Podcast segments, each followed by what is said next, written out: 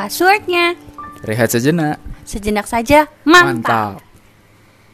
Hai, selamat pagi, selamat siang, selamat sore, selamat malam buat semua sobat rehat yang sedang rehat pada hari ini.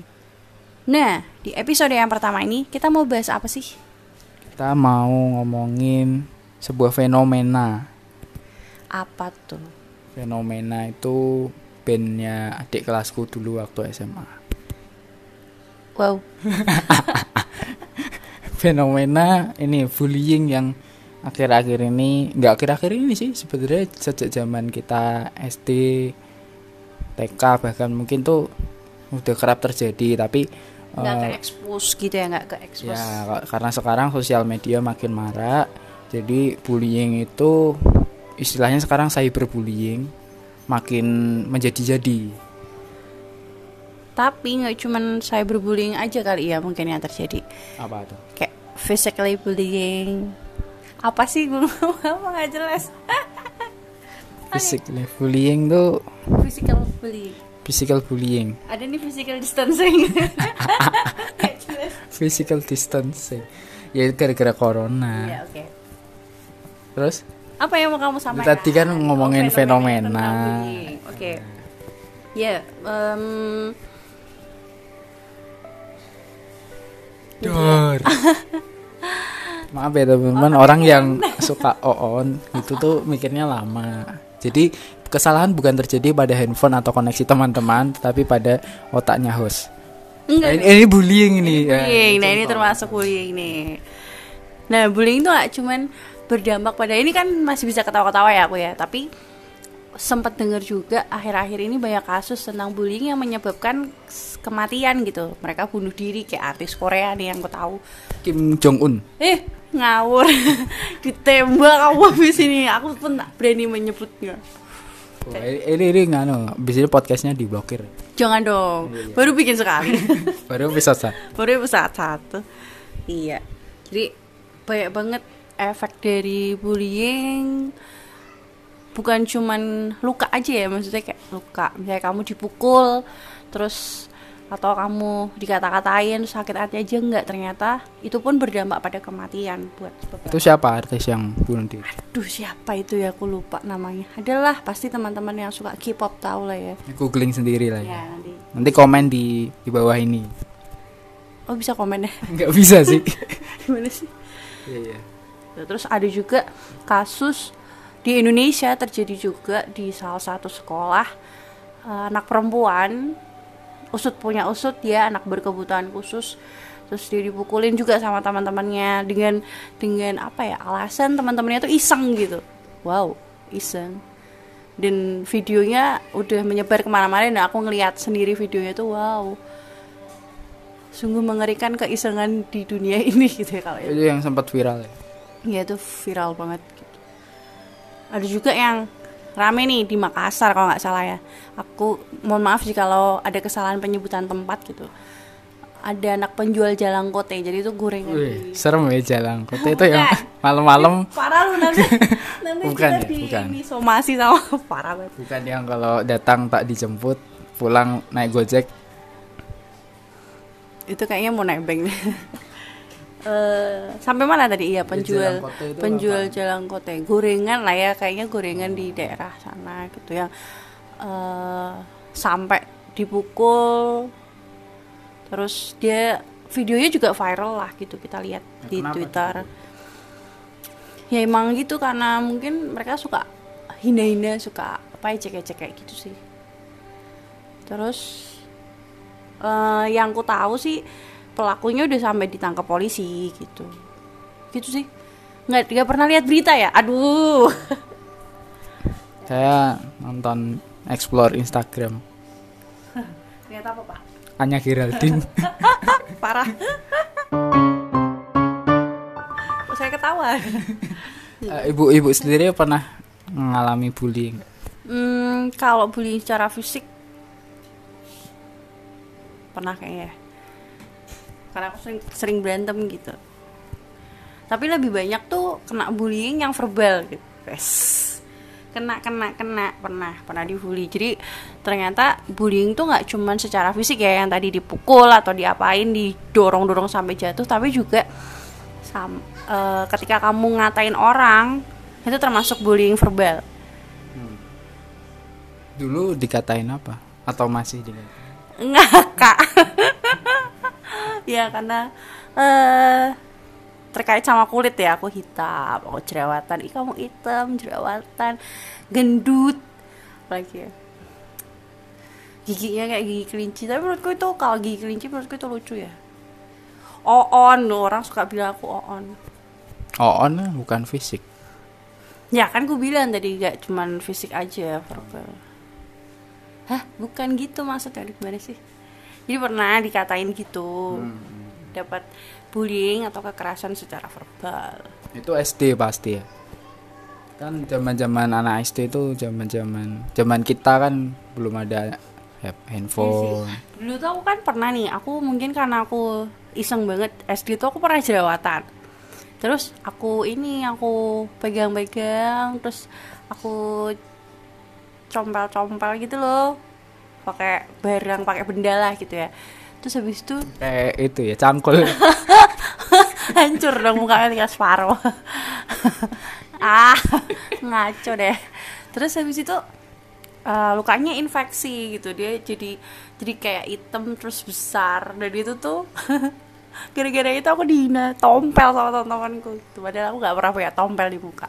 Jadi selama SD waktu itu sampai kelas 6 deh dari kelas 4 sampai kelas 6 2 tahun kayaknya. Malu banget karena aku di ejek-ejek tau punya tompel tompel gitu. Jadi aku punya nama sebutan lain tompel. Waktu SMP aku mungkin kalau aku di SMP tuh cukup tenang-tenang aja karena aku cuma dihina hitam hitam dan jerawatan. Tapi aku pernah denger juga temanku dibully itu di sebelahku langsung karena dia duduk di sebelahku mohon maaf nih rambutnya tuh keriting keriting keribu gitu kan. Terus dengan santainya guruku cuma bilang deh nanti aku kasih uang ya kamu rebonding rambutmu gitu. Nah waktu itu memang lagi zaman zamannya rebonding gitu. Menurut dia orang yang rambutnya lurus tuh cantik waktu itu. Tapi aku aku sendiri ngerasa nggak suka sih di temanku digituin gitu. Tapi aku cuman ya bagaimana uh, ya gimana lagi ya? Namanya juga murid aku bisa ngapain terus yang lagi anget-angetnya ya pernah nih deket sama cowok gitu. Terus aku malu menceritakannya terus kita foto. Jadi aku pergi sama keluarganya terus kita foto tuh foto. Terus uh, habis itu ada yang komen dari keluarga yang tidak ikut foto gitu. Itu siapa? Terus itu pacarnya. Jadi ada sepupunya dia jawab itu pacarnya ini pacarnya kakak. Oh kok hitam? Kok gendut? Semua sih. Waktu itu aku cuman kayak hah? Dan aku denger itu gitu. Kayak itu kan kencang banget gitu. Itu di telepon sih. Hah terus aku kaget. Awalnya aku nggak apa-apa sih. Tapi lama-lama tuh aku kepikiran gitu kayak wow aku dikatain hitam dikatain gendut. Wow. Ya cuman ya udah gitu aja sih. Ya kencang banget sih ya waktu itu cuman kepikiran aja gitu. Ternyata kejadian itu juga membekas buatku gitu. Kayak kayak menimbulkan apa ya jadi aku insecure sendiri gitu. Besoknya tuh aku langsung berusaha supaya kulitku tuh putih terus nggak jerawatan. Aku ke dokter waktu itu aku ke dokter kulit tuh dokter kulit. Cuman ya gimana ya karena waktu itu masih mahasiswa ya ya aku nggak sanggup nerusin perawatan itu gitu sih. Ya sekarang sampai sekarang kalau dibully itu paling ih hitam kamu hitam. Ya wajar sih kalau aku hitam kan mamaku hitam ya.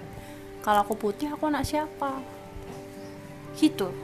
Hmm. kalau kamu pernah nggak dibully? Aku dibully SD SD karena saya asli orang Jawa jadi kulitnya sawo matang gitu. tapi di SD ku waktu itu mayoritas uh, kaum kulit putih teman-temanku Chinese Chinese jadi ya udah jelas gitu paling hitam siapa. Yaitu sebutan panggilanku ya si Ireng. Itu kalau SD kalau SMP pernah Pendekar pendekar mana? ada kamu cari deh coba nanti pendekar namanya si Irang Nggak terkenal. Ya itu SD itu. Kalau di kampung dulu SD juga nih, tuh dipanggil nama nama tengahku kan Bima ya. Terus gigiku kebetulan waktu itu maju banget. Jadi terus waktu itu ada sebuah minyak goreng guys kalau teman-teman tahu minyak yang sangat terkenal kali namanya Bimoli. Nah, oh ya tahu itu oh ya nah itu, itu itu singkatan gitu. Bimoli jadi Bima Monyong 5 cm. anak 95 pasti tahu nih Iya, itu itu panggilanku. Tapi saya tidak berdiam diri saja. Saya melawan, mencari sebutan-sebutan buat teman-teman yang lain. Gitu. kalau kamu ngelawan ya tapi kayak tadi yang aku cerita tuh ada orang-orang yang nggak kuat nggak tahan dibully terus mereka diem memendam sampai akhirnya ya udahlah buat apa aku hidup? Cuman buat hidupku salah gitu ya. Misalnya kayak aku aku juga sering dengar orang yang dikatain misalnya dikatain tuh mukanya tememan gitu. Mukamu temen banget sih? gitu. Terus filler fi- apa sih filler? Eh filler tuh untuk Filler, filler, filler tuh nambahin ding nambahin volume bukan kayak filler kan kalau ikan dipotong-potong terus filet. Filet haha Eh, tarik benang biar tuh tirus terus cabut geraham ra- eh sorry cabut geraham biar kurus kayak gitu gitu sempat juga aku kepikiran hal-hal yang kayak gitu tapi hmm, udah mulai gede tuh udah mulai sadar ya kalau itu semua nggak bener apa ya itu semua nggak baik gitu.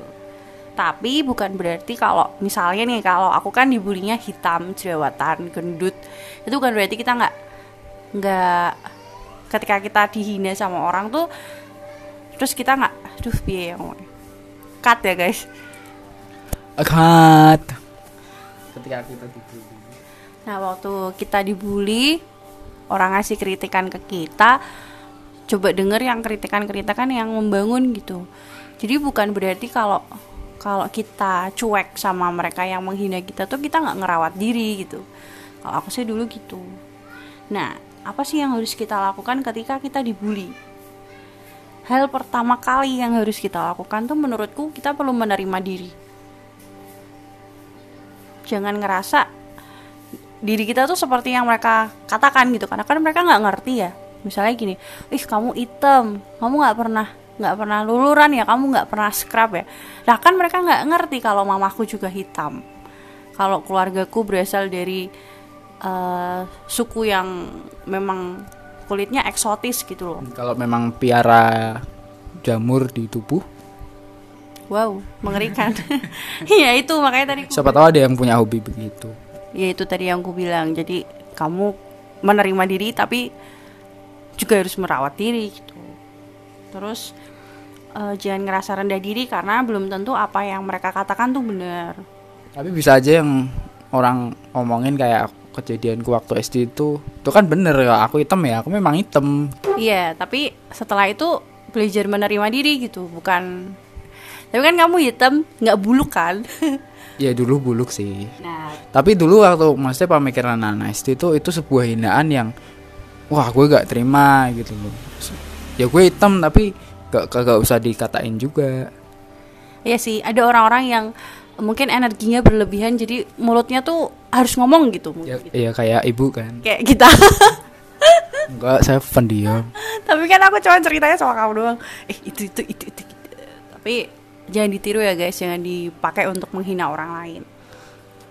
Terus em, kalau orang kalau yang dikatain orang itu bener ya, misalnya kayak aku aku ngerasa ya nih kulitku hitam gitu. Nah, kalau memang udah dasarnya hitam dari sananya ya gak bisa digimana gimanain lagi gitu itu hal yang harus kamu terima, hal yang harus kamu syukuri. Tapi berjalannya waktu juga nggak boleh diem-diem aja nggak nggak merawat diri gitu. Misalnya jadilah hitam, jadilah eksotis yang tidak buluk gitu. Misalnya kamu tetap rutin luluran dan lain sebagainya kayak gitu-gitu sih. ya itu prosesnya gimana maksudnya ketika kamu dulu nggak terima sampai kamu akhirnya menerima kapan tuh? Kapan menyadari itu? Waktu ya kondisi keuanganku nggak mencukupi. Bukan berarti mamaku nggak kasih nggak kasih uang saku ya tapi aku tahu diri lah dengan uang segitu dengan biaya perawatan yang super fantastis aku akan pernah bisa gitu. Tapi keadaan lain aku tetap harus bersihkan gitu. Jadi belajar oke aku menerima diriku yang berjerawat aku menerima diriku yang hitam yang yang apa yang rada bervolume badannya rada gemes gitu badannya. Nah cara tapi gendut gendut. Parah lu. Nah, sekarang kalau dikatain gimana perasaan? Aku suka nanya sih gendut sebelah mana gitu. Karena menurutku orang gendut tuh bener-bener yang begah nggak bisa apa-apa gitu loh. Maksudnya udah nggak sak- sesakit hati sampai oh enggak wah gue gue bales nih gue cari nih apa Nggak paling aku cuman lihat aja nanti kamu kalau abis misalnya ya yang suka ngehina aku gendut-gendut tuh adikku misalnya gitu. Oh lihat aja nanti kamu udah kuliah lihat badanmu kayak apa kayak gitu. Atau kalau kamu udah mulai menikmati hidup, uh kamu tahu makanan enak di mana. Gitu. tapi jengkel-jengkelnya masih tetap ya pasti ya manusiawi kan itu Manusiawi sih kalau kita jengkel. Tapi yang paling penting ya tadi ya menerima diri karena siapa lagi yang mau menerima kita kalau nggak diri kita sendiri. Gitu. Terus terus belajar juga untuk tadi ya kalau udah menerima diri tuh bukan berarti nggak ngerawat diri gitu. Misalnya kalau eh, orang-orang yang dibulinya karena apa ya? Kayak kamu tadi ya. Kamu pasti kan juga merawat diri nih, ya enggak? ya mandi pakai boy Enggak, yang soal tadi. Yang mana Yang di Nabi Mulia. oh iya iya iya Akhirnya kau berbel. ya sekarang saya pakai bel ya waktu udah punya duit aja Ya, sekarang keadaan juga kan akhirnya. karena ini sih sebetulnya supaya eh, masa depan saya lebih baik gitu biar bisa makan enak karena kan susunan gigi yang baik itu mempengaruhi kita bisa makan enak Ada another reasons ya? supaya gak dibully aja. Jadi kita pun sebenarnya ngomong gini bukan berarti kita hebat ya. Kita juga lagi belajar sama-sama menerima diri. Tapi buat sobat rehat, ya ayo kita belajar untuk menerima. Cila sobat re Ya, karena passwordnya re sejenak sejenak saja mantap. mantap udah kelar ya Udah, belum belum. Jadi eh, apa? Tadi sih ya menerima diri, tapi juga merawat diri. Nah, motivasi ketika kita merawat diri ini yang beda gitu. Ketika kita menerima diri itu motivasinya untuk mencintai diri gitu, bukan untuk membuktikan bahwa ih, aku tuh pernah ya dicerita. Jadi waktu SMP orang-orang hina aku hitam, hei hitam hitam hitam gitu. Aku pernah dikatain ini juga di dalam bahasa Jawa gini eh diwalek benrak gosong gitu jadi aku kayak dihina jadi itu intinya adalah meng- eh, guru itu menyebutkan bahwa aku hitam banget gitu waktu itu. Terus pernah kan aku saking sakit hatinya aku bilang nanti kalau aku udah putih aku pamerin di depan rumah teman-teman. Nah mungkin teman-teman SMP ku pernah tahu yang sekelas sama aku ya kalian pasti tahu. Ketika kita menerima diri kita tuh terus ngerawat diri kan kita ngerawat diri tuh motivasinya bukan untuk membuktikan bahwa oh nih tadi kayak aku yang aku bilang kan tuh kan aku bisa putih tuh kan aku bisa bersih tuh kan tuh kan tuh kan gitu. Nggak gitu. Tapi motivasinya lebih ke mencintai diri gitu. Karena aku sadar aku udah dikasih tubuh sama Tuhan eh, yang apa ya yang sangat berharga ini. Maka aku merawat diriku aku membuat diriku tuh bersih setidaknya. Meskipun kulitku eksotis ya aku menerima itu gitu. Jadi kayak misalnya kayak kita mau bersihin badan tuh bukan karena dendam gitu loh. Tau gak sih bang? Gitu. Kamu juga waktu ngebehel tuh bukan karena dendam nih kamu pernah ngatain aku bimoli ya gitu. Nanti aku buktiin di depan rumah aku udah nggak bimoli gitu.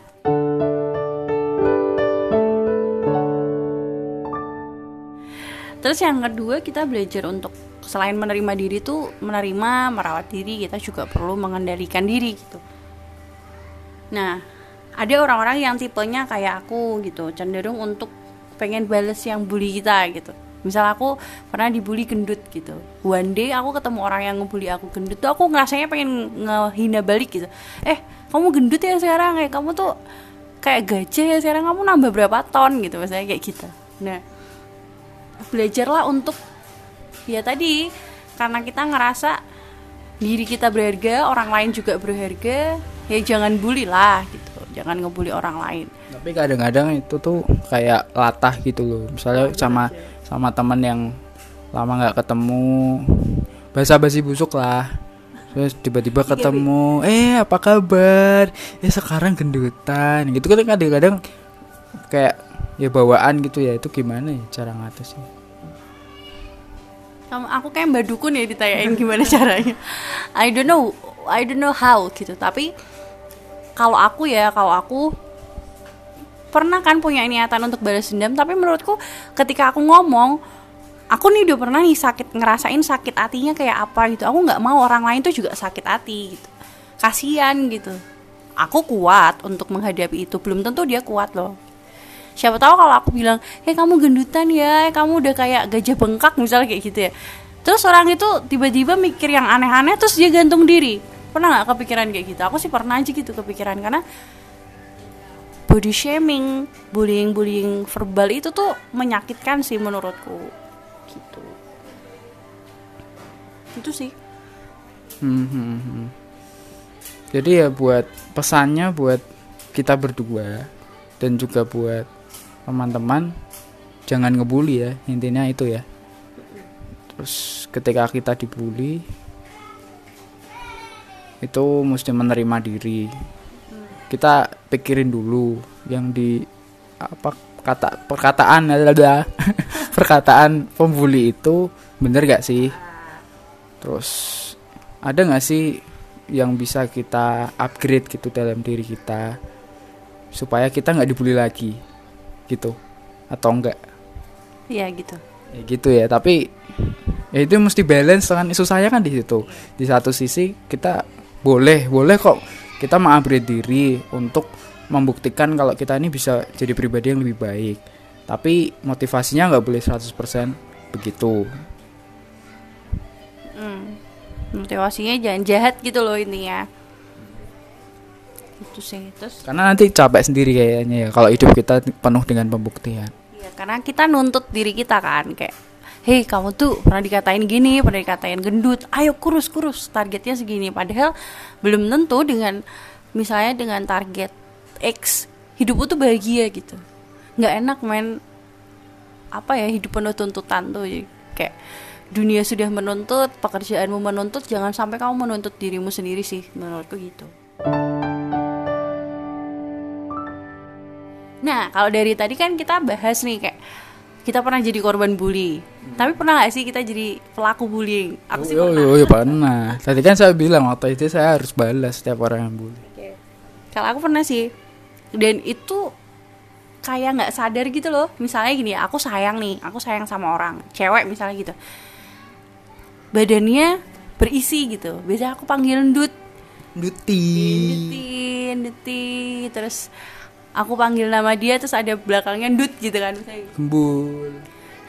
itu panggil mama aku jadi gitu kau nah eh pernah gitu dilakukan tanpa tanpa sadar gitu kayak tapi ternyata itu efeknya tuh nyakitin gitu jadi ada misalnya gini kita kita berteman terus aku sama dia tuh udah ngerasa deket banget Nah, terus aku panggil dia ndut. Meskipun meskipun dia nggak gendut sih. Emang aku sih yang jahat. Kayak eh apa ya namanya ya? Kalau orang bilang memel mungkin ya, memel badannya untuk ukuran bukan ukuran, untuk seusia dia gitu. Terus aku panggil dia ndut. Nah, ternyata dia cerita ke teman yang lain. Nah, teman yang lain ini ngomong sama aku kalau eh dia sakit hati loh kamu katain dia gendut gitu padahal selama ini aku kayak ngerasa panggilan gendut itu panggilan kesayanganku buat dia gitu loh Dan dia nggak pernah menunjukkan wajah yang tidak nyaman dengan panggilan itu. enggak jadi aku nggak sadar gitu loh kayak aku nggak sadar kalau itu melukai dia Hmm. nah kadang kan kita gitu ya kita ngerasa oh aku nggak sadar ngebully orang aku nggak sadar ini orang gitu. nah cuman mungkin ada batasan yang harus kita tahu gitu. Ya kayak aku tadi sih. Nah kalau aku kan udah yang kayak terlanjur nge apa ya secara tidak langsung tuh aku ngebully dia nih aku ngatain dia gendut. Ketika kita terima kritikan dari orang lain ya kamu jangan jangan ngatain aku gendut dong gitu. Nggak usah ngegas juga kitanya gitu. Kan ada nih orang-orang yang uh, eh kamu jangan ngomongin kamu jangan panggil aku gendut dong. Lah kan emang kamu gendut gitu. Jangan gitu guys. Itu makin membuat dia sakit hati. Jadi ya semakin dewasa kita kita semakin belajar untuk menempatkan diri sih. Menurutku itu penting. Gitu. Hmm, hmm, hmm. kamu pernah jadi pelaku bully nggak? Pernah. Tapi kayak kecenderungannya kalau kita sebagai pelaku tuh nggak sadar gitu aku sih ngerasanya pernah tapi kalau suruh cerita apa ya?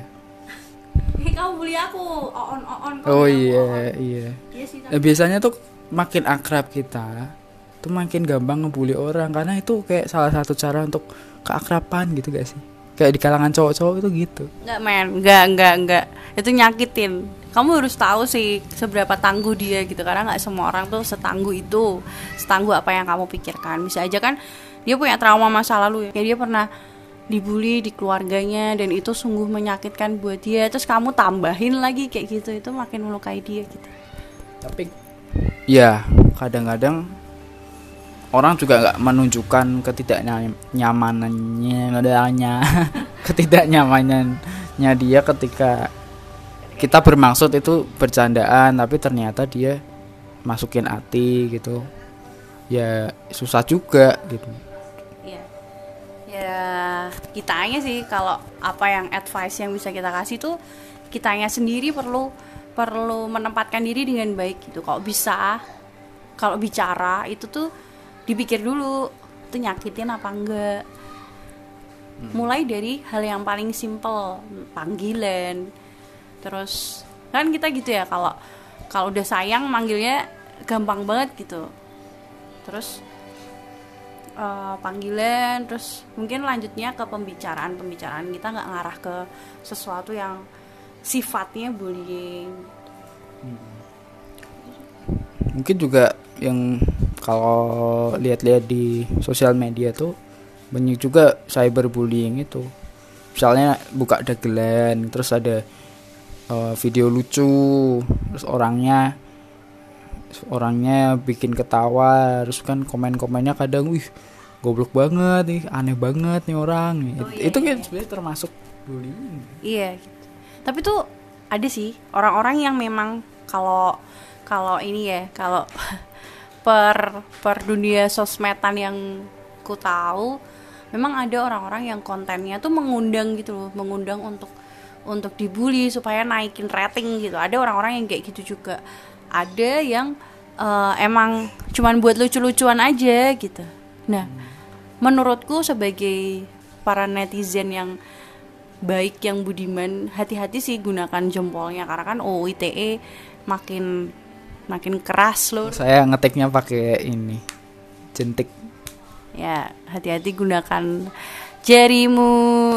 Oh saya ngetik pakai jari kaki mbak. Terserah. Sangana ya gitu sih. Jadi hmm, entah ya entah itu niat mereka membuat konten itu untuk mengundang supaya mereka dibully atau ya mereka cuma mau lucu-lucuan aja kayak ngikutin tren yang lagi in gitu. Kita perlu hati-hati sih karena apa pun itu mereka juga manusia mereka juga sama kayak kita punya perasaan. Nah kalau kita yang digituin tuh kita sakit hati nggak? Gitu sebelum menerapkan itu ke orang lain. Jadi menurutku stop ngatain orang stop ngebully orang karena eh, mungkin ada yang kayak aku tadi ya. Rencananya tuh kayak mau mem- eh, niatnya tuh mau memperhatikan gitu biar dia termotivasi untuk kurus gitu. Misalnya kayak gitu aku memanggil dia ndut tuh biar dia termotivasi untuk kurus. Tapi memperhatikan orang tuh caranya nggak kayak gitu doang gitu. Itu cara yang sangat negatif. Memperhatikan orang tuh eh, bukan berarti kamu berhak untuk menyakiti dia. Nah mungkin kita kita yang ngelakuin hal itu yang secara sengaja maupun tidak sengaja ngebully orang itu dulu pernah mengalami bulian juga. Jadi kita ngerasa ber, ngerasa apa ya berhak untuk melakukan itu. Tapi sekali lagi kamu tidak berhak melakukan bullying kepada siapa pun meskipun kamu dulu adalah korban bullying nah makin makin sering kita membuli orang makin sering kita ngata-ngatain orang itu cuman membuat dunia ini makin penuh dengan orang yang suka ngebully dan ya udah dunia ini akan makin tidak damai karena orang-orangnya suka ngebully satu sama lain.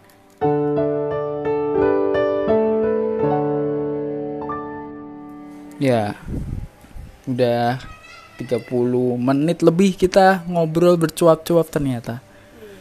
Oke, udah closing statement dah. Nggak mau bagi tugas bapak ada. Ya intinya kita lagi ngomongin bully membuli hari ini buat teman-teman. Ini ada sebuah quote penutup gitu ya dari Mbak Flo, Mbak Flo, sekarang di foto Instagramnya mengenai bully. Oke, ini suaranya harus puitis gitu. Harus keren, harus maco, men. Oke. shh. Tutup telinga untuk pernyataan yang men Apa sih lo? Kamu aja lah. Oke, ya buat sobat rehat yang lagi rehat dan mendengarkan podcast rehat sejenak, ada pesan nih buat teman-teman gitu. Tutup telingamu untuk pernyataan yang menyakitimu, tapi buka telingamu untuk sesuatu hal yang membangun hidupmu. Cakep. Kiranya quote itu boleh menolong teman-teman dan kita berdua juga. Ya dikasih es enak. Ya Udah baiklah. Cukup sekian untuk episode pertama ini. Sampai jumpa di Podcast selanjutnya kalau kita niat bikin, Iya. Oke, passwordnya. rehat sejenak. Sejenak saja, mantap. Mantap.